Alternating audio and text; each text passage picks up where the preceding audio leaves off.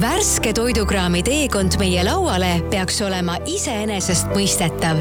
mis tegelikult toimub ja kes vastutab selle eest, et me saaks poest oma lemmikuid, et need oleks ikka värsked, minuni toodud jätkusuutlikul moel ning mida üldse ma tulevikus sööma hakkan. Need küsimused saavad vastuse Rimi podcastis Toidupoe tagatoas head kuulajad, kolame täna jälle ühe toidupoe tagatoas äh,. aga teemaks on kala ja me räägime sellest äh, mm, palju inimesed kala söövad, miks nad kala söövad, miks nad ei söö kala, aga võib-olla laiem selline teema on kestlik kala ehk et siis äh, milline, mis, mis kala on see, mis, äh, mille söömisel me tegelikult teda ei hävita planeedilt ära, vaid äh, äh, nii-öelda, mis kasvab sama jõuliselt juurde mul on äh, stuudios kaks eksperti selleks, et natukene seda teemat arutada. on Eestimaa Looduse Fondi kestliku kala ekspert Joonas Plaan tere!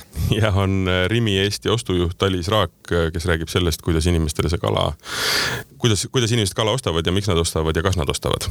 proovin vastata um, alustaks võib-olla sellest, et meil on see teema on äh, kestlik kala, et mis see termin kestlik kala üldse tähendab ja, ja, ja kes on selle autoriks ja, ja miks ta ellu on üldse kutsutud?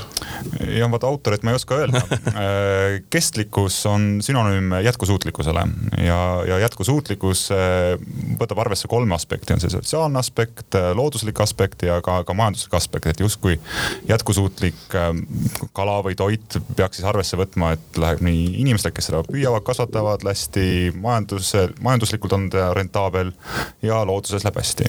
ja kestlikkus võib-olla siis fokusseerib fokusseerib rohkem sellele just nimelt äh, loodusele, äh, keskkonnale, et, et ka, et ka keskkonnas läheks hästi. aga ma usun, et kui nüüd hakata nüüd erinevatelt ekspertidelt äh, küsima selle definitsiooni, siis saad ka erinevaid vastuseid, et täna minu üllatuseks on, on tegelikult ka Eesti ametkondades, ministeeriumites see kestlikkus asendunud, asendanud jätkusuutlikkuse. et enamus ametlikes dokumentides ei näegi võib-olla seda sõna jätkusuutlik, vaid ennekõike just kestlik ja, ja, ja seda ennekõike just kasutataksegi just äh, toidu puhul, kestlik toit. ja, ja selle puhul suunas me kõik liigume, et äh, tulevikus äh, toitu jätkuks kõigile meil siin, kes elavad nii Eestis, aga ka kaugemal. see tähendab siis seda, et mm, noh, kaugemalt hakkab see pihta juba nii-öelda mere enda tervisest, eks ju. just nimelt jah, et äh, siin on mitu muidugi jällegi tahku, et mere enda tervis, aga, aga peab ka arvestama ka seda, et kuidas seda merd siis kasutatakse mm,. samamoodi, mismoodi siis seda merekasutust näiteks kontrollitakse, juhitakse. meie looduskaitseorganisatsioonina, äh, mitte ainult siis Eestimaa Looduse Fond, aga ka näiteks Maailma Looduse Fond defineerib selle kestlikkust äh, sel viisil, et me võtame arvesse, et kuidas läheb näiteks kalal looduses. kas tal läheb piisavalt hästi, kas populatsioonid on jõudsad, taastoodab ennast. võtame arvesse, missugune on kesk, missugune keskkonnamõju on püügivahenditel. no näiteks põhjatraal, mis siis põhimõtteliselt no, kraabib kogu selle merepõhja tühjaks, on, on äärmiselt keskkonna hävitav. õng, aga ka siin Eestis populaarne mõrd, siis kastmõrd on, on jällegi keskkonnale märksa väiksema mõjuga. ja kolmandaks võtame arvesse ka selle, kuidas seda, seda kalandust juhitakse või, või majandatakse. siin tuleb arvesse võtta näiteks kvoodimajandus, kuidas kvoote jagatakse, aga mõndade kalade puhul näiteks on selline senimaani metsik lääs, eriti kuskil metsikus läänes siis, kus, kus tõesti neid regulatsioone nii tugevaid ja häid ei ole kui Euroopa Liidus. kestliku kala puhul ma kujutan ette või noh, üldse kestliku ökosüsteemi puhul on see, et ta majandab iseennast, eks ju. ehk et äh, mõni aasta on ühte kala rohkem, mõni aasta on teist kala siis rohkem, sõltuvalt noh, nii nagu ütleme, populatsioonide muutus tegelikult toimub päris looduses, eks ju. just jah, ma võib-olla ei kasutaks sõna, et majandab iseennast, vaid, vaid ta saab ise iseseisvalt hakkama. inimene ei pea sinna sekkuma ja ka need sekkumised, mis inimestel on, et on see siis mingi püük või siis äh, mere rekreatiivne kasutamine, ei mõjuta seda, seda looduskeskkonda märgataval määral. mis äh, mõjutab äh, nii-öelda seda kala kestlikkust võib-olla kõige rohkem? No, sa tõid need, äh, mainisidki ära, ütleme, üks asi on jah, ma kasutasin majandama, see on väga inimese nii-öelda termin, eks ju, aga teine on noh, rekreatsioon, kasutad lihtsalt nii-öelda lõbu pärast merd, eks ju, et mis, mis kõige suurema mõjuga on? kui me vaatame globaalsel skaalal, siis äh, püük on tõesti jah, see, see inim, inimmõju on, on kõige, kõige suurem. see kui palju me püüame, kuidas me püüame, selle mõju on suur. vaadates nüüd siin meie kohalikku keskkonda, Läänemerd, aga ka sisevett, siis Läänemeres on äh, väga suurt rolli mängib eutrofeerumine ehk siis liigsed toitained meie meres, äh, mistõttu tegelikult kogu ökosüsteem on muutumas, osades kohtades ei ole enam hapnikku, ei ole toitu, tulevad võõrliigid. Äh, sisevetes aga on probleemiks paisud, takistused veeteedel, mis siis ei lase rändekaladel liikuda liikuda. samamoodi mõjutavad kogu seda jõe ökosüsteemi.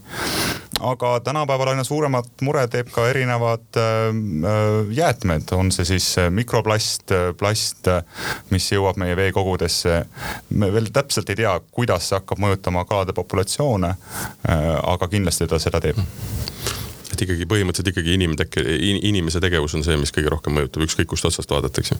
jah, mm, jah, kasvõi kliimamuutused, ega äh, ühelt poolt äh, looduslik protsess, teiselt poolt äh, inimese, inimese poolt ellu toodud.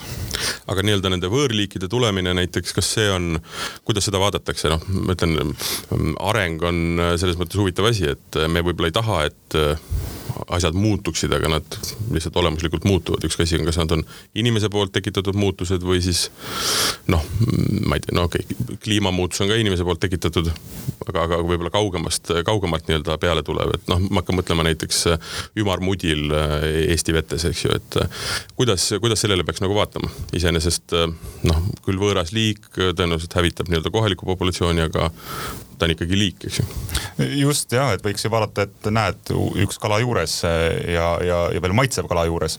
aga no ökosüsteemide puhul tuleb mõelda sellele, et see on arenenud äh, tuhandete, kümnete tuhandete, võib-olla isegi miljonite aastate äh, jooksul.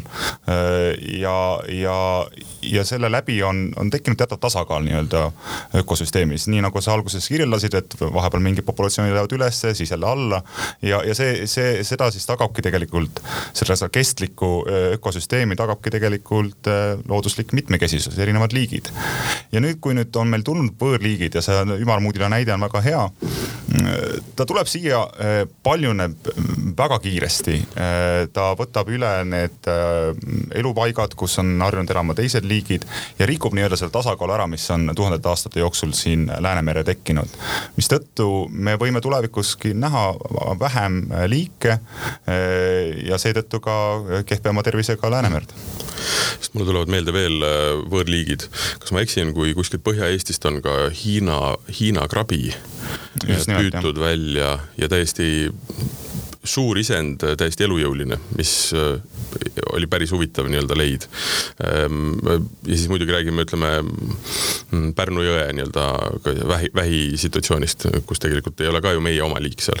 just, et seal on punavähk on võtnud mm, -hmm. võtnud siis või, või siis tähendab, vabandust, signaalvähk siis. signaalvähk jah. on, on, on võtnud siis selle ökosüsteemi üle.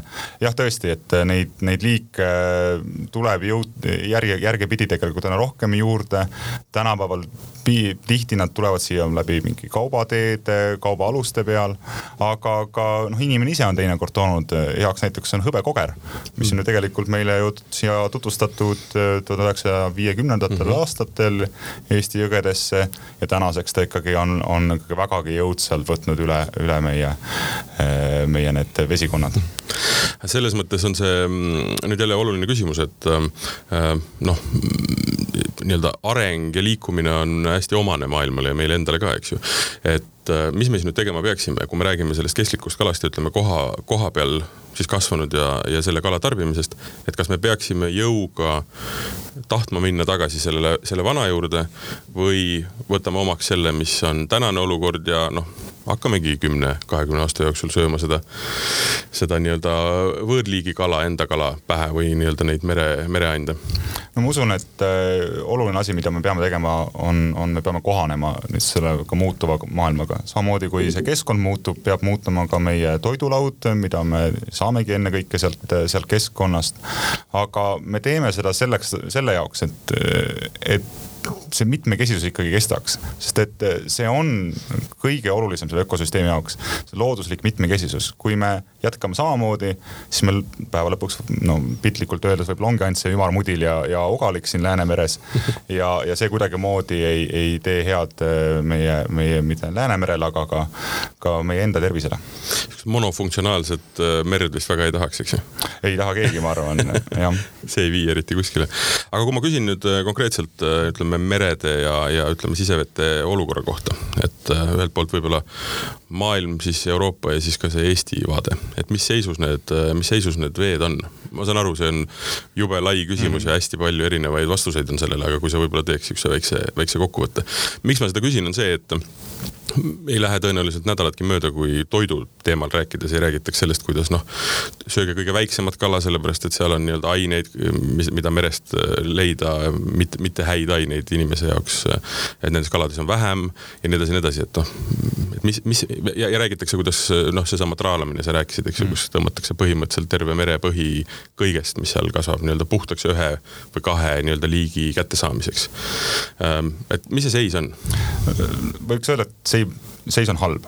Ehm, kui vaatame globaalsest äh, perspektiivist, äh, maailma ookeanid on suuresti üle püütud. Ehm, kindlasti on mõjutanud ka seda kliimamuutused tänapäeval aina rohkem ja rohkem. no heaks näiteks on Vaikse ookeani äh, Põhja-Ameerika rannik, kus siis, kus siis tegelikult kliimamuutuste tõttu on, on terve ökosüsteem muutunud. meri on liialt happestunud ja, ja, ja seetõttu osad liigid on seal täiesti välja surnud, aga loomulikult alati käib käsikäes see, selle ülepüügiga, äh, mis seda meeletult äh, mõjutab. ja nagu ma enne mainisin ka, ikkagi see, see, see prügiprobleem on kasvav ja, ja tõsine. Äh, tulles nüüd lähemale Läänemere juurde, siis ka siin kahjuks ei saa rõõmustada, et, et see olukord on halb ja, ja kahel põhjusel. üks on seesama see püük, aga kindlasti Läänemere kõige suurem probleem on ikkagi see eutrofeerumine, mis, mis, mis vägagi selgelt mõjutab kõike, kes siin, kes siin meres elavad ja, ja toimetavad. ja aina enam nüüd ka kliimamuutus, mis, mis soojendab seda merd. jääkate on, on peaaegu et kadunud paljudes, paljudes piirkondades. et et, et Läänemerel äh, läheb halvasti, aga äh, võiks nagu positiivselt öelda, et tasapisi läheb paremini, et, et äh, aina paremini oleme osanud õppinud kontrollima eutrofeerumist, see tähendab seda, et näiteks põllumajandusest vähem väetiseid pääseb vooluveekogudesse ja seeläbi siis ka, ka merre. me oleme õppinud või oleme loonud väga palju kaitsealasid, kus, kus seda püüki on aina vähem ja vähem.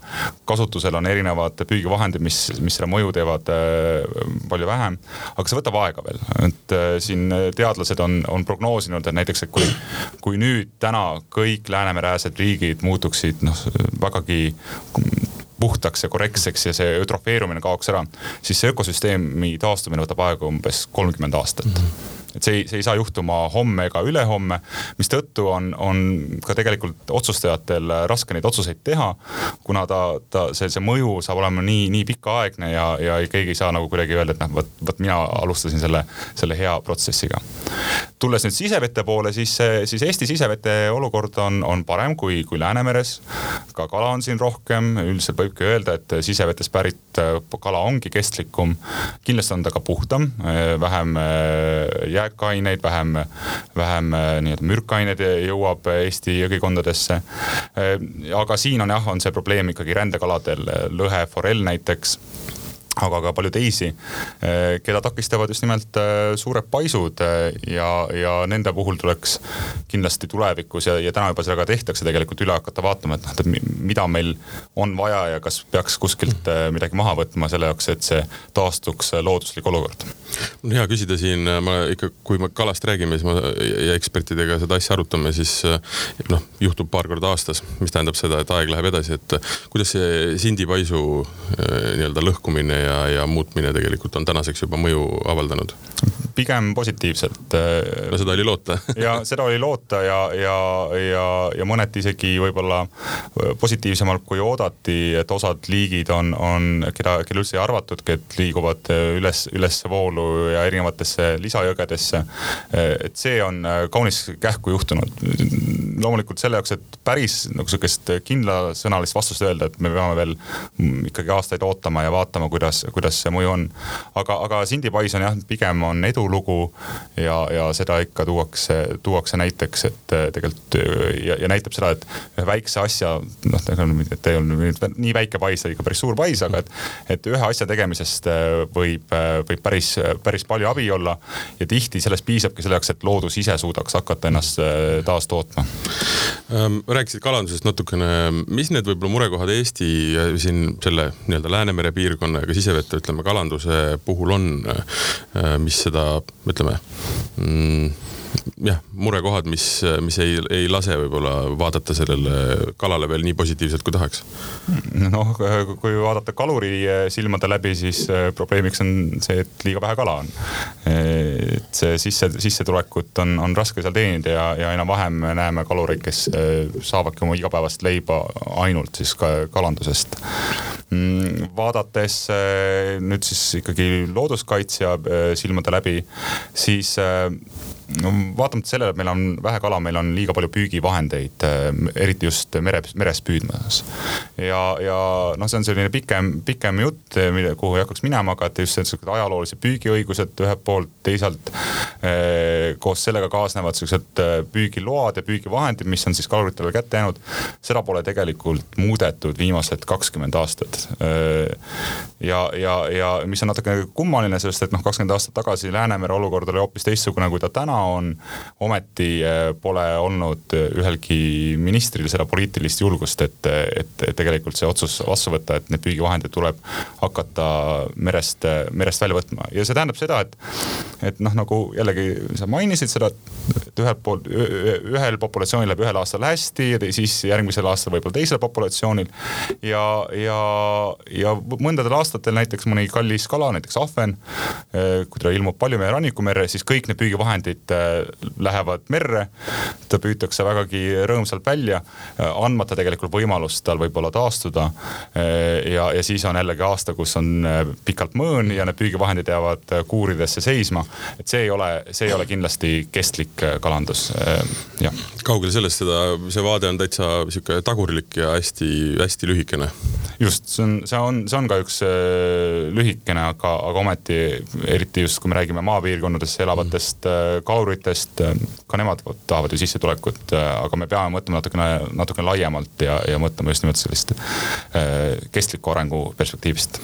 aga tuleme nüüd kala söömise juurde mis on, mis on, ütleme siis, kes otseselt kala ei püüa, siis tema võib-olla kõige lähem nii-öelda kokkupuude kalaga, et mis see Eesti puhul see kestliku kala tarbimine siis tähendab, et mis kala me sööma peaksime? lihtne vastus on, et me võiksime süüa rohkem kodumaist kala võiksime rohkem süüa väikest kala, noh näiteks räim, kilu, aga ka sama see ümarmudil, võõrliike kindlasti võiksime rohkem süüa. ja, ja, ja süüa äh, mitmekesisemalt kindlasti, rohkem erinevaid, erinevaid kalu. Äh, see võiks tagada selle, selle kestlikkuse. no Eestimaa Looduse Fond üheskoos Maailma Looduse Fondiga on teinud ka äh, sellise rakenduse nagu Kalafoor, kus tegelikult igaüks saab järgi vaadata, et noh, mis olukorras need kalad on. oleme need jaotanud kolme kategooriasse, valgusfoori järgi siis äh, roheline, kollane ja punane.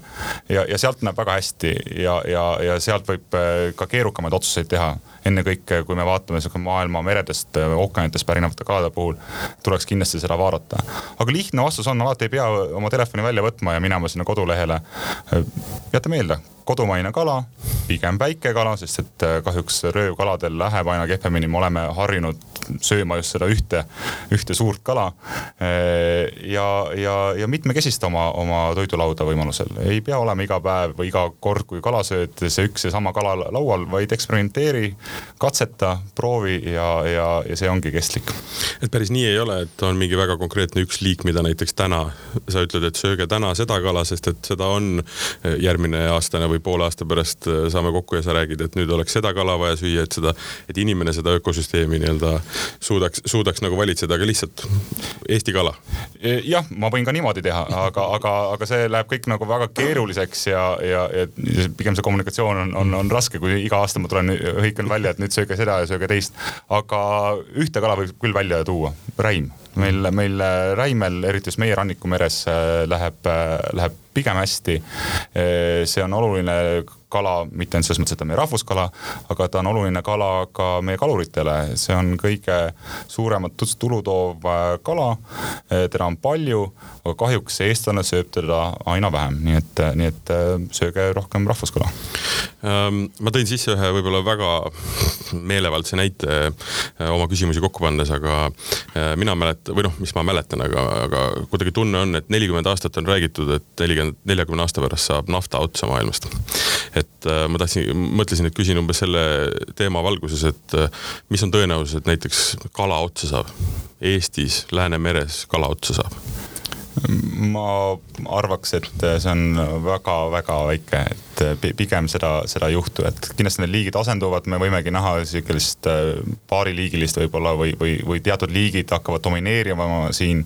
enam ei ole seda mitmekesisust, et juba praegult näiteks Rootsi, Rootsi rannikul katsetatakse, mida saaks teha ogalikust, kuidas seda tuua, kas toidulauadele inimestele või siis, või siis loomadele, sest et seda on tohututes kogustes jällegi siin, siin suuresti eutrofeerumise äh, tõttu et, et ei, ma ei usu, et Läänemeri ära kaduma hakkab, aga samal ajal tuleb meeles pidada, et kui vaadata globaalses perspektiivis, siis kõikidest äh, kalaliikidest, keda me oleme harjunud sööma, kaheksakümmend kaks protsenti on ohustatud. Mm.. no et, et, et kindlasti mingid liigid kaovad ära äh, ja, ja ma ei kardan, et me ei suuda enam seda, seda, seda protsessi peatada, aga kala ei kao kuhugi, me peame lihtsalt jällegi kohanema sellega, äh, mismoodi muutub ka keskkond. kala söömisest on muidugi võimalik rääkida tunde ja tunde.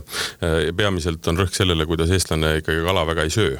sellepärast, et ähm, noh, minu niisugune tagasihoidlik äh, teooria on see, et üheksakümnendatel kadus ära harjumus süüa kohalikku kala, peale tuli punane kala, lõhe ja forell mm, põhja poolt, mis ei ole kuidagimoodi halb kala, me kõik oleme seda söönud.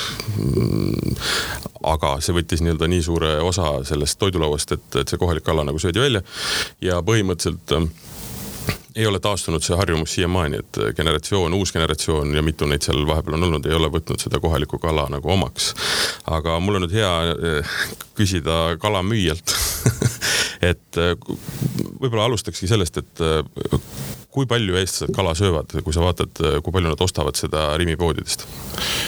kala süüakse pigem ikkagi häbiväärselt vähe, ma ütleks, kui seda just eelkõige võrrelda nii-öelda lihamüügiga. et, äh, et kui seda nii-öelda protsenti üritada panna, siis tõenäoliselt see kalamüük on kuskil kümme protsenti ja kõik ülejäänud on siis nii-öelda liha ja ma arvan, et sinu teooria iseenesest väga-väga vale ei ole, et, et, et tõsi, mäletan ka ise nii-öelda lapsepõlvest, et olen ka Lõuna-Eestist pärit, et et liiga tihti kala just nii-öelda toidulauale ei sattunud, et võib-olla see oligi korra paari kuu jooksul ja see ja ülejäänud äh, aja ikkagi põhi, põhiroana oli siis mingisugune lihatoode aga, aga mis praegu, praegu, mis eestlased peamiselt siis ikkagi ostavad, et jah, tõesti ikkagi see üheksakümnendate taak on siis seal äh, juures ja, ja, ja see on lõhe ja forell, et mis siis peamiselt äh, inimeste nii-öelda toidulaual on, on ta siis nii-öelda filee kujul, kuidas ta poest välja liigub või terve kalana. ja, ja, ja, ja seal on siis sihuke näputäis on siis juures seda nii-öelda eestimaist kala, et mida siis Joonas nii-öelda välja tõi, et. et, et mille, mille osakaal just nii-öelda liiga suur ei ole, et kui me ka nende nii-öelda kilodesse paneme paneme, et, et, et kahjuks, kahjuks ta praegu niimoodi on. mis on äh, Rimi ja kestliku kala seos? Äh, Rimi ja kestliku kala seos tegelikult tugevamalt hakkas pihta, sihuke peame minema aastasse kaks tuhat kakskümmend siis, et äh, looduse fond siis käis tegelikult juba varem ka Rimi juures, aga noh, tõenäoliselt ka kõigi teiste nii-öelda kettide juures, et kestlikust kalast nii-öelda rääkimas ja, ja, ja kaks tuhat kakskümmend aastal siis mida mida, mida nii-öelda Rimi tegi, siis oli, et võttis vastu siis Baltikumi kohtselt sihukese otsuse, et, et meie nüüd müüme edaspidi ainult nii-öelda kestlikku kala et äh, miks me seda tegime, et, äh, et nii-öelda jätkusuutlikkus ja erinevad tegevused, ega kala ei ole siin nii-öelda ainukene, et nii-öelda toidu raiskamine ja kõik muud sinna nii-öelda juurde, et aga, aga lihtsalt kala läks väga hästi nii-öelda kokku selle meie nii-öelda üldistega nii põhimõtetega. et mida me ühiskonnas nii-öelda toetada tahame, kuna me oleme jaekett, meil on tuhandeid kliente, kes käivad iga, iga päev nii-öelda meie erinevates kauplustes, et seda sõnumit äh, laiali viia on, on nii-öelda võrdlemisi lihtne ja noh, isegi võib-olla kohustus, ütleme siis ja, ja sealt, sealt nii-öelda meie teekond hakkas, kui me siis võtsime nii-öelda vastu, otsuse vastu, et me edaspidi müüme ainult, ainult nii-öelda kestlikku kala meie, meie lettidelt. aga see tähendab siis seda, et kust see kala tulnud on? ma saan aru, teda on püütud siis ainult nii-öelda ühe õngega rahulikult lauldes, vilistades viisijuppi ja siis toodud Rimisse, Rimisse müüki. Mis, mis, mis see kestlik kala tähendab äh, Rimi vaatest, et mis, mis, mis tingimused peavad olema täidetud? ei, päris nii see jah ei ole, et, et niimoodi me saaksime pakkuda seal äh, ühte kala ühes poes ja siis igas poes ongi erinev kala. et äh, tegelikult me jälgime iseenesest täpselt neid samu reegleid, et mis on siis Looduse Fondi poolt välja töötatud, et need siis uuenevad tegelikult iga aasta ja mis me, mis me nii-öelda tegime siis, et me vaatasime enda sortimendi üle, et mitte ainult siis tegelikult värske kala, vaid sinna juurde käivad ka töödeldud ja sügavkülmutatud kala. Et, et kas, kas see tooraine, mis seal nii-öelda sees on või see kala, mis meil letis on, et, et kas see, kas see vastab nii-öelda nendele nii-öelda põhimõtetele. ja kui ta vastab, siis ta jäi sortimenti, kui ta ei vastanud, et siis, siis olid nii-öelda hankijatega siis läbirääkimised, et kas nad saavad muuta, kustkohast nende kala tuleb või, või siis oli noh, ka kindlasti neid juhuseid, et, et kui tegelikult teatud tooted läksid nii-öelda meil sortimendist iseenesest sellepärast ka välja. et see on kindlasti nagu selline lihtne, lihtne teekond ja, ja asi, asi, mis sai tehtud nii-öelda nädalaga, et, et, et, et nagu iga hea sihuke otsus ja teekond, et see hakkab, hakkab kiiresti, aga siis ta, siis ta nii-öelda kestab, et, et see oli pigem sihuke nii-öelda pool aastat, et kui, kui meil tegelikult läks siis selle kõige ülevaatamiseks ja, ja siis peale seda me saime öelda, et näed, nüüd me tõesti järgime neid põhimõtteid.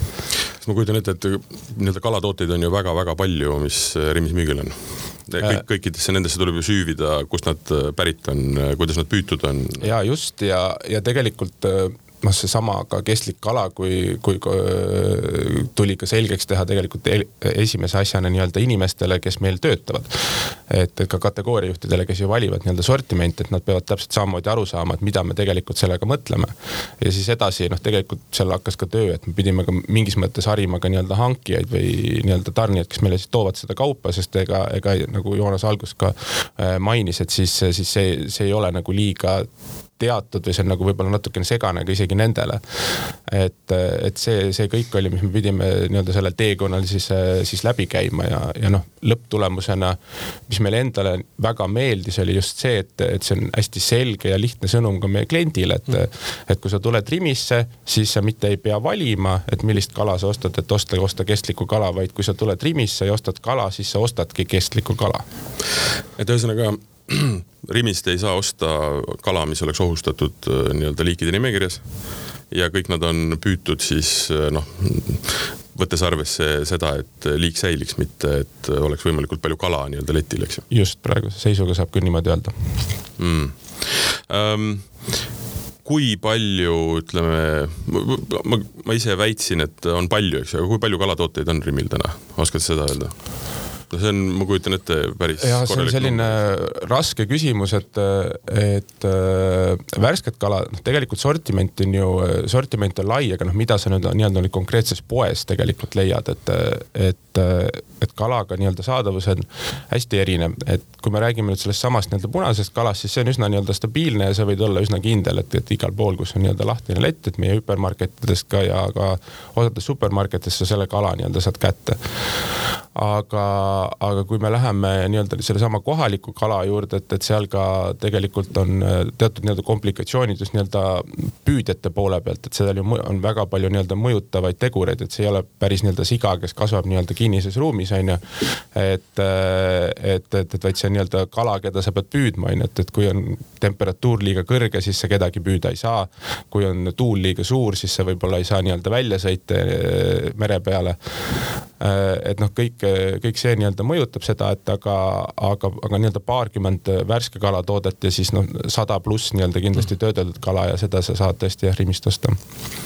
Um üks asi on nii-öelda püüda, püüda merest või, või sisevetest nii-öelda kala, aga, aga väga suur osa tegelikult äh, kalast tuleb ka kasvandustest. Ähm, kas kasvandus, kuidas nii-öelda vaadata kasvanduse kalale, on ta nii-öelda siis kestlik või, või, või, või, või, või kuidas sellele otsa vaadata? sõltub, kus äh, kasvandusest loomulikult. Äh, no rääkides eestlase lemmikkalast äh, Norra lõhest, Norra kasvatatud lõhest, siis ta selle kalafoori andmete järgi on ta kollases kategoorias.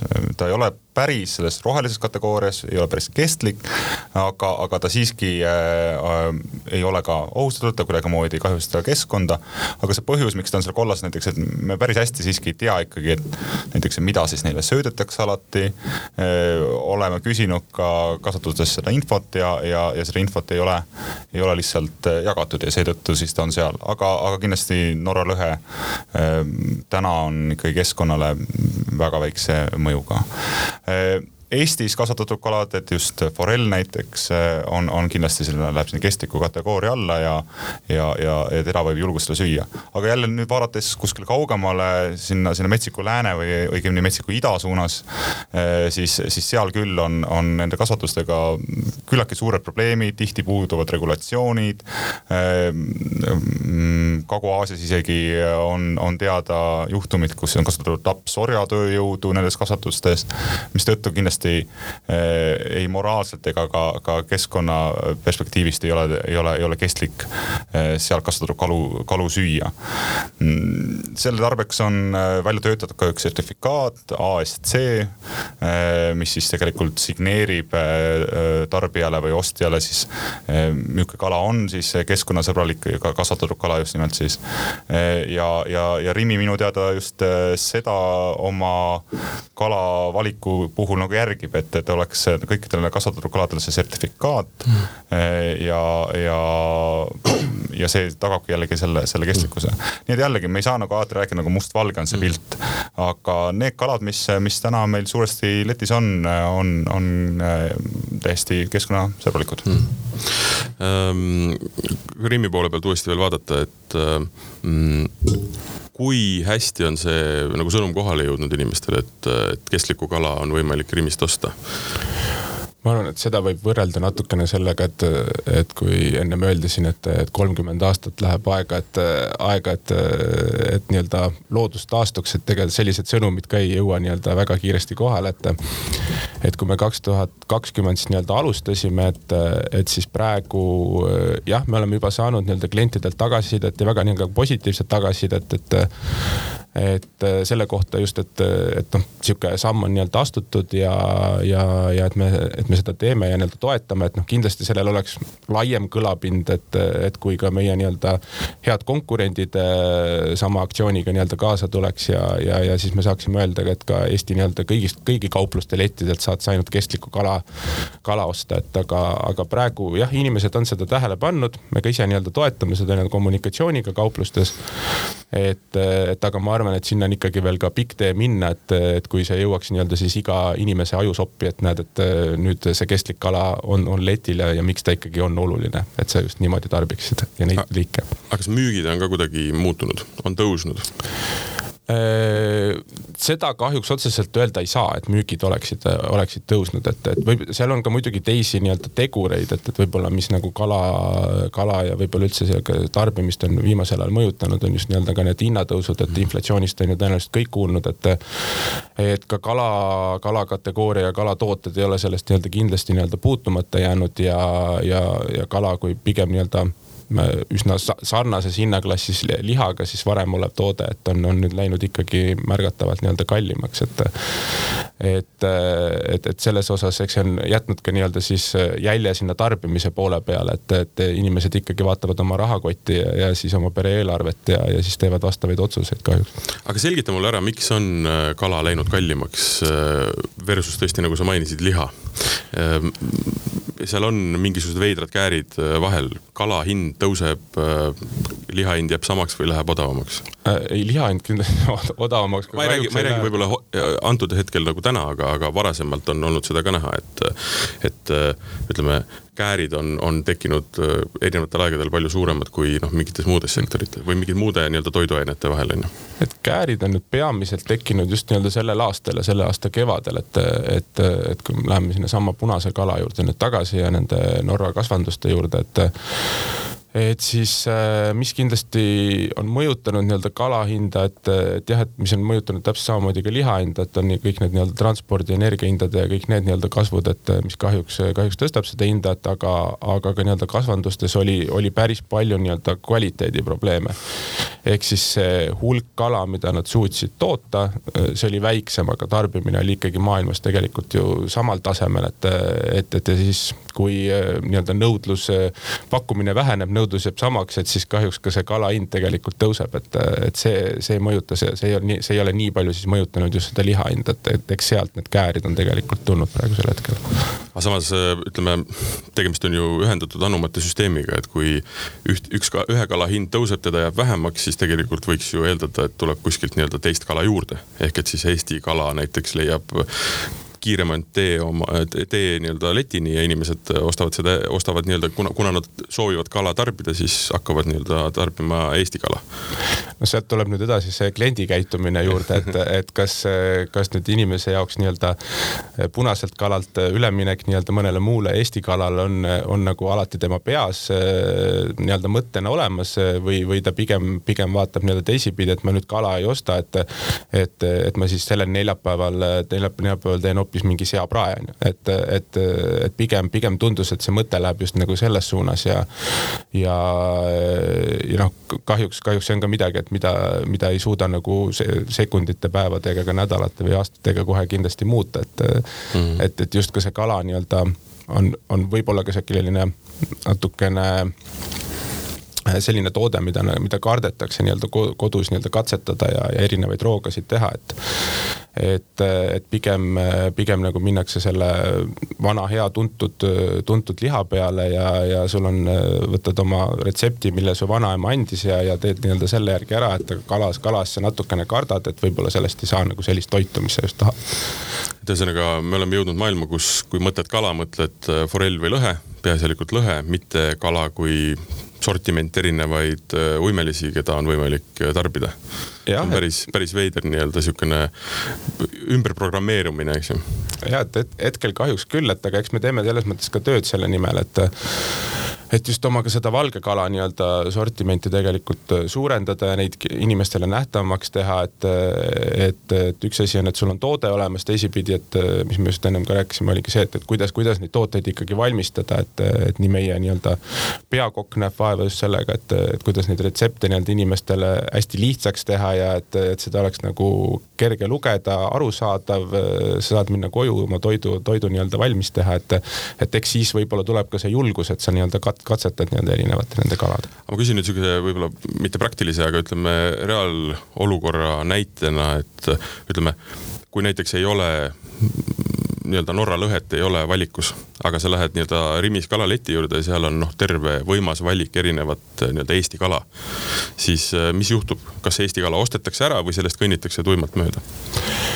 Eks on neid, kes kõnnivad mööda, eks on neid, kes nii-öelda ikkagi valivad ka siis mõne Eesti kala, et, et eks seal Eesti kaladest nii-öelda räim latikas, et see, need, need on nii-öelda need, mis peam-, peamised nii-öelda tulevad siis äh, müügi, müüginumbrite mõistes, et. et, et aga, aga jah, on kindlasti neid, kes, kes ka kõnnivad mööda ja, ja, ja, ja lähevad siis mõne nii-öelda teise leti juurde. ehk et see ei ole niimoodi, et noh, kala läheb samamoodi, vaid on näha, et kui lõhet ei ole, siis mingi muu sortimendi nii-öelda müük tõuseb, eks ju? jah, pigem küll. Nii et me tegelikult noh, me siin enne vist lindistama hakkamist rääkisime sellest, et, et, et noh, pool Eesti nii-öelda siis äh, siis äh, piirist on tegelikult rannajoon, eks ju, mis tähendab seda, et meri. Ja me võiksime olla nagu mererahvas, aga tegelikult me oleme ikkagi rohkem nagu metsarahvas et kumb me siis oleme, et, et me, me räägime kalast, et seda on meil palju, me oleme ikkagi nagu mer, merd on palju, siseveekogusid on palju, kala võiks ju süüa. aga tegelikult kuidagi noh, eksistentsi mõttes oleme tegelikult ikkagi nagu pigem metsa poole no ma julgeks väita jah, et ega suur osa eestlasi võib-olla ei olegi näinud sellist rannakalandust kui sellist mm -hmm. lähedalt. kui sa just ei ole elanud pärit Saaremaalt, Hiiumaalt või, või kuskilt rannapiirkonnast, siis ega see nõukogude aeg ikkagi tappis selle, selle arusaama, et, et noh, merest tuleb äh, ka kala või kuidas siis kalal käiakse, vanaisa käib. aga, aga sellest on meil väga palju ju nii-öelda neid õngemehi või rekreatiivseid äh, kalureid, kes, keda iga aasta rohkem juurde tuleb ja, ja sisevetest seda kala püütakse. aga, aga mida üks asi, mida nagu siin välja võiks tuua just seal nagu selle kodumaise kala puhul on see, et et kui, kui see Norra lõhe ikkagi äh, tuleb kogu aeg aastaringselt, siis see Eesti kohalik kala on, on hooajaline ja, ja kindlasti ühele jaemüüjale on see väga oluline faktor, et kas ta saab iga kord seda kala sisse, et siin väga hästi Talis tõi see näite, et nüüd, kui see ainult see õngega püütakse kala, siis, siis justkui ainult üks kala ühe, ühe kaupluse peale jagub. ja, ja seda kindlasti üks jaekett peab arvestama, et tal oleks alati eh, oma kliendile pakkuda seda, seda kala. ja, ja minu teada Rimi seda teeb, näiteks eh, hooajaliselt on võimalik saada värsket eh, haugi Peipsi järvest ja, ja ja, ja seda, neid kalu, neid hooajalisi kalu tegelikult võiks rohkem olla, mitte ainult Rimis, aga ka, ka laiemalt meie, meie turul. Koha ahven, mis on pärit ka siis Võrtsjärvest, Peipsi järvest, kus on vägagi tugev kalurkond. võiks rohkem jõuda, jõuda ka eestlaste poelettideni. paraku noh, suur osa näiteks ahvenast hoopis jõuab Šveitsi restoranidesse, sest et on kallis kala ja, ja selle eest saab nii, niimoodi hoopis paremat hinda aga tegelikult need, need äh, võimalusi on, aga peab ka tegelikult see jaeketi või üldse siis see, see jaekaubandus peab ka sellega kohanema, et kuidas me ikkagi nagu noh, et, et kevadel pakume sulle haugi, tule nüüd sügisel, sügisel saad sa sügisräime näiteks. kas sellega tarbija tuleb vastu? jällegi ma kardan, et pigem ta vist nii kiiresti ei tule selle vastu, et täna me oleme ikkagi harjunud selle, me läheme poodi ja me saame seda, mis me tahame. et, et minevikust on siin, on siin teada küll neid, neid hetki, kus mingis kaupluses mingit kaupa ei ole ja kohe siis tõmmatakse siukseid suur, suure, suur kära üles, et, et miks, miks midagi müüda seal. Muidugi müümise seisukohalt on tõesti või ütleme isegi võib-olla mitte müügi seisukohalt, aga just nii-öelda selle kala tutvustamise seisukohalt on hästi-hästi oluline vahe ju sees, kas sa aastaringselt saad nii-öelda rääkida lõhest või sa pead see aasta ringi rääkima kümnest erinevast kalast, mis hooajaliselt eh, peale tulevad, eks ju. et noh, seal on ka turundamise ja ütleme, inimese siis aiu jõudmisega ikkagi hoopis teistsugused eh, noh, käärid on sees. kui sa räägid ainult ühest kalast või sa pead viiteist kala nii-öelda suruma. et selles mõttes ma mõistan seda nii-öelda raskusastet. jah, just, et, et üks on see, et võib-olla võib siin isegi paralleeli tuua näiteks puujuurviljaga, et, et kus on ka ju tegelikult nii-öelda hooajalised tooted, et. et ja millega ju kõik jaeketid tegelikult saavad väga edukalt hakkama, et, et kui on arbuus, siis on, kui on suvi, tähendab, siis on arbuus ja et, et ja kui on, kui on mõni teine hooaeg, siis on nii-öelda teised tooted, et, et ma arvan, et, et see iseenesest ei ole isegi probleem aga eks see on sihuke jaeketiga tahtmine sellega nii-öelda tegeleda, sest ta ei ole päris selline nagu leib-sai toode, et, et, et sa, et, et ta on sul sortimendis iga hommik jõuab poodi, onju. et kalaga ja eriti nii-öelda siis Eesti, Eesti kalade osas, et tegelikult iga nädal kategooria juht räägib individuaalselt siis iga kasvatajaga või noh, nii-öelda püüdja, püüdjatega läbi, et mida me praegu saame. ja, ja nii see, nii see tegelikult nädala sortiment eh, kujuneb, et, et ja see ongi tegelikult erinev siis iga nädal. see juu ja puu puurvilja, juu ja, juur ja puuviljaga võrdlemine on tegelikult hästi-hästi huvitav, et, et kui vaadata tõesti, et noh, võtame näiteks apelsini kõrvale, eks ju, tal on mingi noh, kõikidel nii-öelda äh, viljadel, mis kasvavad, on väga konkreetne sesoonsus ja, aga sellest sõltub ka hind, mis tähendab ja, ja, ja ka kvaliteet, mis tähendab seda, et apelsin, kui ta on hooajaline, on ta hind madal, sest teda toodetakse, noh, kasvatatakse palju ja ta on ka väga hea et teda ei ole mõtet süüa, noh mi, mi, minu kogemus, kuna mulle apelsinid meeldivad, siis ei ole mõtet teda süüa seal kuskil ütleme meile jõuluajal, sellepärast et tema noh, väärtus iseenesest ei ole, ei ole see. Et noh, kõikide toorainetega on tegelikult või toitainetega, toiduainetega on tegelikult see, et noh, siis kui ta on nii-öelda kõige kõrgemas kvaliteedis, tuleb teda tegelikult tarbida ja just ja, ja noh, need sesoonsused ja kindlasti puu juures on hästi-hästi olulised, noh seesama arbuusi näide, et, et ka arbuusi hooaeg tegelikult on üsna pikk, et tegelikult arbuusi tänasel päeval juba saad sa osta ka aastaringselt, et, et aga lihtsalt tead, kõige maitsvam on ta just siis, et kui, kui, kui ta on nii-öelda suvi ja, ja ta tuleb näiteks nii-öelda nii Ukrainast, et muidugi see aasta on sellega nagu natuke keerulisem, et aga, aga, aga jah, nii, nii ta, nii ta nii-öelda on. aga kui tuua see nii-öelda mõte nüüd kala peale, siis tegelikult küsimus ongi ju selles, et me oleme harjunud seda kala sööma läbi aasta, mis tähendab seda, et teda tuleb pakkuda läbi aasta samas kvaliteedis ja me ei oska võib-olla kala puhul mõeldagi sellele, et noh, samamoodi ei saa ühte sama kala kogu aeg, äh, iga päev, äh, iga kuu süüa. et tulebki vaadata, mis tegelikult on hetkel nii-öelda nagu nii-öelda püügivalmis, eks ju aga me soovime, et oleks üks kala ja kogu aeg kättesaadav, et see on ka tegelikult vist mõjutanud seda, kuidas me üldse, ma ei, ma ei mõtle ainult eestlased, aga ütleme võib-olla globaalselt inimesed või noh, mitte globaalselt, aga ütleme võib-olla siin nii-öelda Põhja-Euroopas äh, nii-öelda kala näevad üldse. et on üks konkreetne kala, mis peab olema ja siis selle suunas on nagu mindud selle tootmisega, et ka see on tõenäoliselt ju vähendanud nii-öelda kohalike kalade tarbimist. Jah, et eks see on võib-olla sihuke toidukultuuri küsimus, et, et, et kui, kui kui palju inimesed on nii-öelda valmis oma energiat nii-öelda panema sinna toidu valmistamisesse, et eks see on tegelikult praegu ja tulevikus kindlasti sihuke jaeketi üks suuri küsimusi, et kuidas see teha nii-öelda hästi lihtsaks inimesele, sest et me kõik teame, et aega on, aega on inimestel aina vähem. seda ei taheta kindlasti nii-öelda kulutada nii-öelda toidu valmistamise peale, et, et vaid võib-olla siuksed väärtused, et, et kuidas, kuidas sa siis nii-öelda perega oled koos või, või muu selline, et, et, et siis praegu on hästi palju erinevates kategooriates kategooriates, siis noh, ma arvan, et kala, kala, kala ka sinna juurde, et, et kuidas siis seda teha hästi lihtsaks, et noh, teatud, teatud kategooriates sa saad siis pakkuda nii-öelda valmis lahendusi, et mille sul, mille su valmistamine lähebki hästi nii-öelda kiiresti. et kala, kalaga siis peaks noh, minu, minu vaatest kindlasti tegema siis tööd sellega, et kuidas sa seda saad kodus lihtsasti valmistada, et, et see teha nagu hästi selgeks inimesele.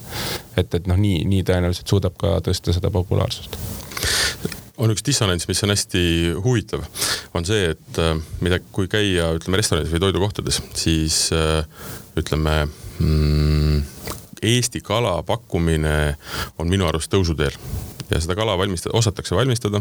Äh, võib-olla kui minna linnadest väljapoole väiksematesse kohtadesse, seda kala tuleb nagu rohkem, kui sa lähed saarte peale, on seda kala nii-öelda valikus rohkem.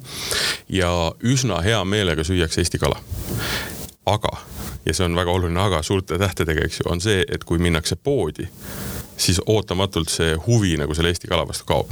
ja ma arvan, et seal on seesama valmistamise küsimus, et sa ise tegelikult ei oska ega taha temaga toimetada on toodud nii-öelda välja ju see noh, lõhna ja siis kogu see nii-öelda eel, nii-öelda preparatsiooni või eel nii-öelda töö niisugune noh, võib-olla mitte kõige olu-, kõige, kõige puhtam nii-öelda siis olukord oma koduköögis, eks ju.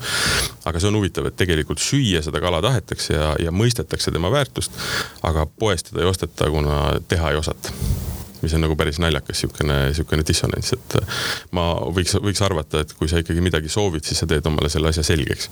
või, või, või ma ei tea, see on niisugune huvitav mõttekoht, et see on ka tarbija nii-öelda harjumuse küsimus, eks ju. Äh, ja kindlasti, et, äh, et see on, see on küsimus ja võib-olla, mis seda äkki loodetavasti vähemalt aitas, aitas natukene ka nii-öelda kaasa, et, et see just see kodus toidu tegemine, et, et kui meil olid nii-öelda see piirangute aasta, et, et kus siis inimesed, ütleme siis olid sunnitud natukene rohkem kodus, kodus nii-öelda süüa tegema, et et, et võib-olla siis inimesed ka vaatasid natukene rohkem nii-öelda just sinna retseptiraamatusse ja, ja viisid ennast nii-öelda kurssi, et tegelikult toidu tegemine ei pea võtma tunde aega, et, et saada täitsa maitsev, maitsev maitsev nii-öelda roog, et, et seda saab teha ka nii-öelda paarikümne minutiga. Mis teie enda lemmikkala on? No äh... kui te, kui te kala sööte muidugi, see on. ja ei, see on täitsa hea meelega. mul, mul tegelikult maitseb väga lihtsalt äh, paneeritud räim praetuna mm., väga lihtne, äh, väga maitsev.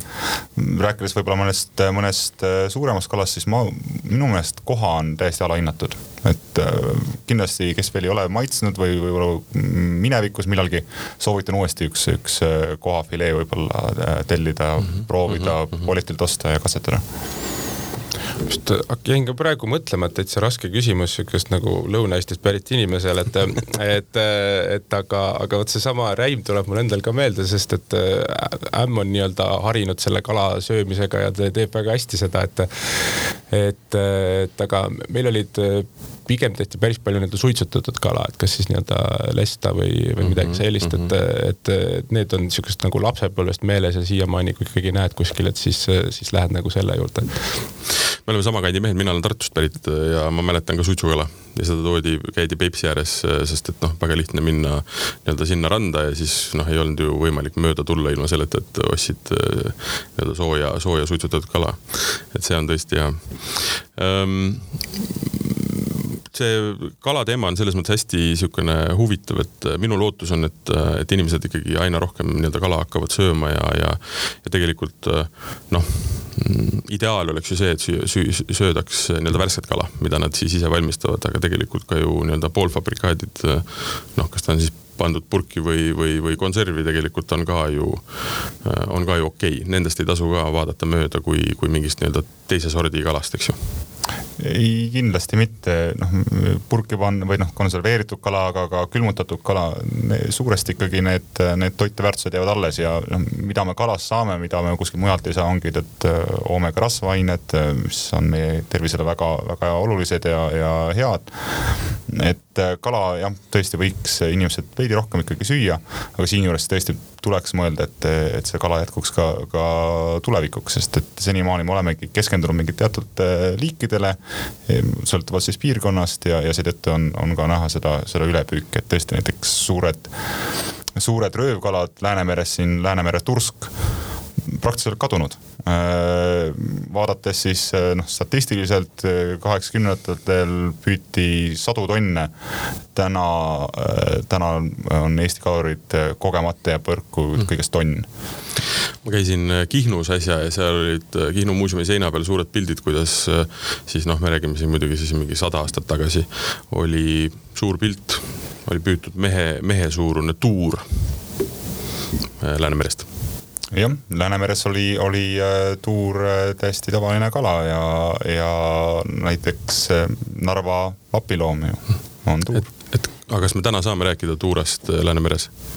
Äh, ei, ta on, äh, võib öelda, et tegelikult ta on globaalses, äh, globaalselt on isegi vaata, et väljasuremise ohus liik, seda nüüd püütakse taasasustada, taaselustada, kasvatatakse kasvandutes valmis ja, ja siis tutvustatakse just Narva jõkke, et on lootust, et tulevikust, tulevikus võib-olla tuur naaseb, aga selle tarbeks peab ka see Läänemere ökosüsteem olema ikkagi kestlik ja, ja tugev, et kui siin on ainult tal ees ootamas ümarmudil ja ogalik siis, siis äh, lootust on näha. aga kui vaadata tulevikku, klaaskuul on siin laua keskel, eks ju, viis aastat, kümme aastat, et, et mis see kestliku kala nii-öelda olukord võiks olla? ja ma küsingi mõlema käest, et äh, ühelt poolt nii-öelda siis nii-öelda ideaaltingimuste nii-öelda tagaaja, eks ju ja teiselt poolt siis selle kala müüa, et äh, mis see, mis see tulevik võiks olla, mis see lootus on või? Või, või, või no just seda, et ähm, re, re, realistlikud äh, nii-öelda nagu vaated, et mida me täna oleme teinud ja mis, kuhu suunda me tegelikult nagu minemas oleme? no äh, ideaalne võikski olla see, et et äh, kaubanduses leidubki ennekõike seda, seda kestlikku kala, et, noh, väga hästi Rimi puhul tõesti, et sa ennem küsisid mu käest, et kuidas eestlane siis teab, mis asi on kestlik kala, et, et Rimi puhul astub voodi sisse ja, ja vali kala, mis sulle maitseb, ongi kestlik. aga ma olen tõesti käinud kõikide jaekettidega siin Eestis äh, rääkimas ja kõigil tegelikult see soov on aga, aga see protsess on, on, on väga keerukas, nagu siin hästi välja toodi, see on väga pikaaegne, et, et, et ikkagi teha need valikud. ja, ja paljud ketika ikkagi noh, no täiesti arusaadaval põhjusel mõtlevad majanduslikult, et, et kui on ikkagi seal mingil teatud liigil on väga hea käive, siis, siis nii varmalt seda sealt välja ei võeta ja isegi näiteks üks siin tuntud jae, jaekett ütles, et aga, aga meie poes peabki ikkagi see, see kala siin sees olema, sest inimesed on harjunud käima meil ostmas seda troopilist sellist äh, krevetti. aga see soov on, on tegelikult kõikidel jaekettidel ja tasapisi äh, võetakse ikkagi neid liike välja, mis on ohustatud. ja, ja nii nagu Rimi, siis ka nemad ikkagi soovivad iga aasta vaadata üle nagu mismoodi siis on, on see, see kestlikkus muutunud, kas mingi kala on halvas või paremas olukorras. nii et ma usun, et tulevikus äh, kindlasti tulevad ka teised jaeketid tulevad järgi, sest et noh, see on see, mis lihtsalt on tulevik. Jah, et ega see esimene soov iseenesest kattub, et, et ka, et just saada sellele samale teemale nii-öelda kõlapinda nii-öelda juurde, et, et just see teiste kaasatulemine kindlasti oleks nii-öelda oluline, sest et noh, kui vaadata nii-öelda Euroopa suuremaid nii-öelda kette, siis tegelikult see ei ole enam nagu isegi küsimus, seda, seda tegelikult viljeletakse ja see on täiesti äh, seal ei ole jah, et seda selle üle ei arutata enam aga, aga mis nii-öelda just kategooriasse vaadata, et, et, et just kuidas murda seda siis seda üheksakümnendate mure, muret või taaka, et, et kuidas, kuidas saada üle siis nii-öelda sellest äh, lõhe, lõhe ja forelli ja ainuvalitsemisest, ütleme siis selles kategoorias, et et, et ja kuidas, kuidas kasvatada nii-öelda teisi, teisi kategooriaid, et inimese nii-öelda see söögilaud siis rikastuks, et et ma lihtsalt hakkasin praegu ka mõtlema selle peale, et mis see tarbimist võib-olla veel võib nagu piirata, on võib-olla seesama hinna küsimus, et, et sa, et sa võid saada mingi mõne lihatoote siis oluliselt soodsamalt, kui sa saad selle kala. et aga, aga seal oli ka hästi hea sihuke võrdlus siis meie näiteks toitumisnõustaja poole pealt, et, et, et sa ei pea tegelikult ostma seda kala ega ka tegelikult seda liha nii-öelda kilodega, et. et inimese üks toiduportsjon, et seal ongi sada, sada viiskümmend grammi seda ühte toodet ja, ja kui sa seda paned nagu sellisesse perspektiivi, et. et, et siis ei ole enam üldse nii kallis ja, ja see ülejäänud, ülejäänud sinu taldrik tegelikult võiks ju, võiks ju koosneda nii-öelda juurviljadest, et, et, et mis sa saad sinna nii-öelda juurde panna, et ja noh, niimoodi, niimoodi seda vaadates ja oma, oma siis seda taldrikut ka balansseerides, et, et sa saad tegelikult oluliselt nii-öelda taskukohasema, taskukohasema nii-öelda toidukorra. Aga seda on ka tunda, et ütleme noh, kuna see on nii suur, nii suur teema, kus on nii, nii riik kui nii-öelda kohalik kalur, kui siis ütleme, selle kala müüjad on kõik tegelikult noh, nagu ühes, ühes potis, noh, kes tegelikult seda kõike mõjutada saavad, samamoodi noh, me räägime põllumajandusest, et ei, ei, ei, ei, ei, ei kasutataks nii-öelda üle erinevaid Mm, noh, siis pestitsiide ega ka, ega ka ütleme väetiseid, mis tegelikult lõpuks uhuvad kõik või lähevad kõik jõgedesse, järvedesse ja merre, eks ju. Et äh, kas see kuidagi niisugune arusaam on natukene tekkinud, et, et, et asjad peavad nagu minema paremuse poole ja, ja, ja kas on tehtud ka samme, et noh, kui me räägime võib-olla konkreetselt kalast, et, et need asjad läheksid äh, nii-öelda kestlikumale suunale? ma julgen väita küll, et neid, neid samme tehakse, kõik küll võtavad kole kaua aega ja, ja nagu sa hästi välja tõid, et neid äh, nii-öelda huvigruppe siin, siin on väga erinevaid, et on, on ministeeriumis on ametnikud, kes, kes järgivad kalandust, on kalurid ise, on edasimüüjad, jaemüüjad äh, tarbija, kõik need äh, tuleb arvesse võtta ja, ja see ei saa sündima üleöö.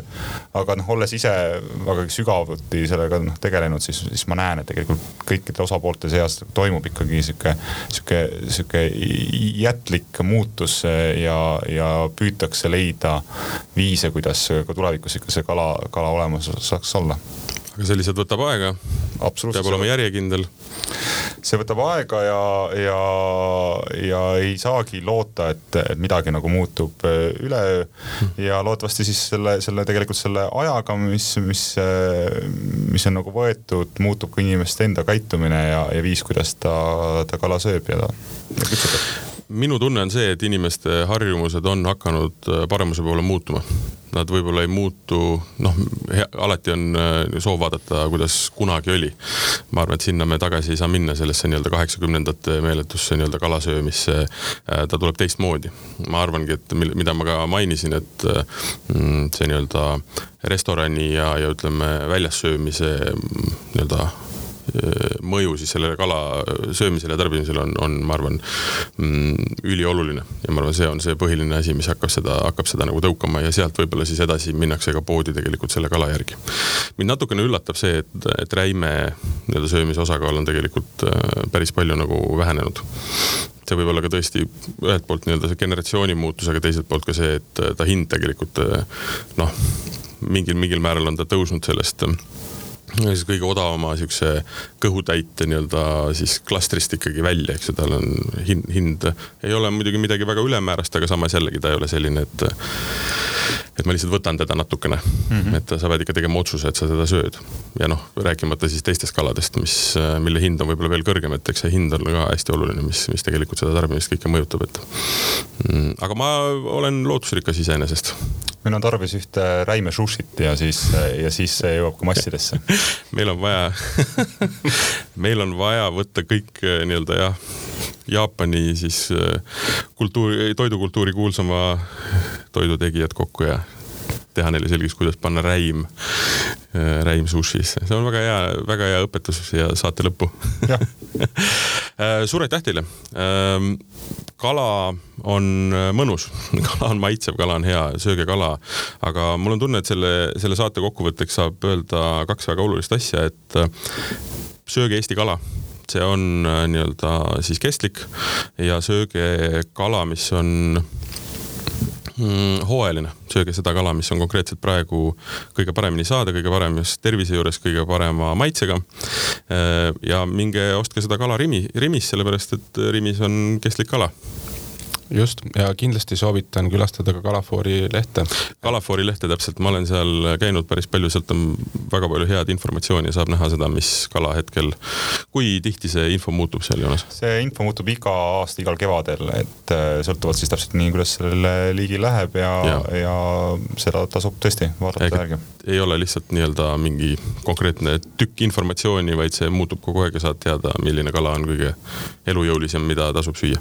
täpselt nii suurepärane äh, saade, mida te kuulasite, oli Toidupoe tagatoas. me rääkisime kestlikust kalast, kala söömisest ja sellest, äh, mis olukord on Eesti kalaga.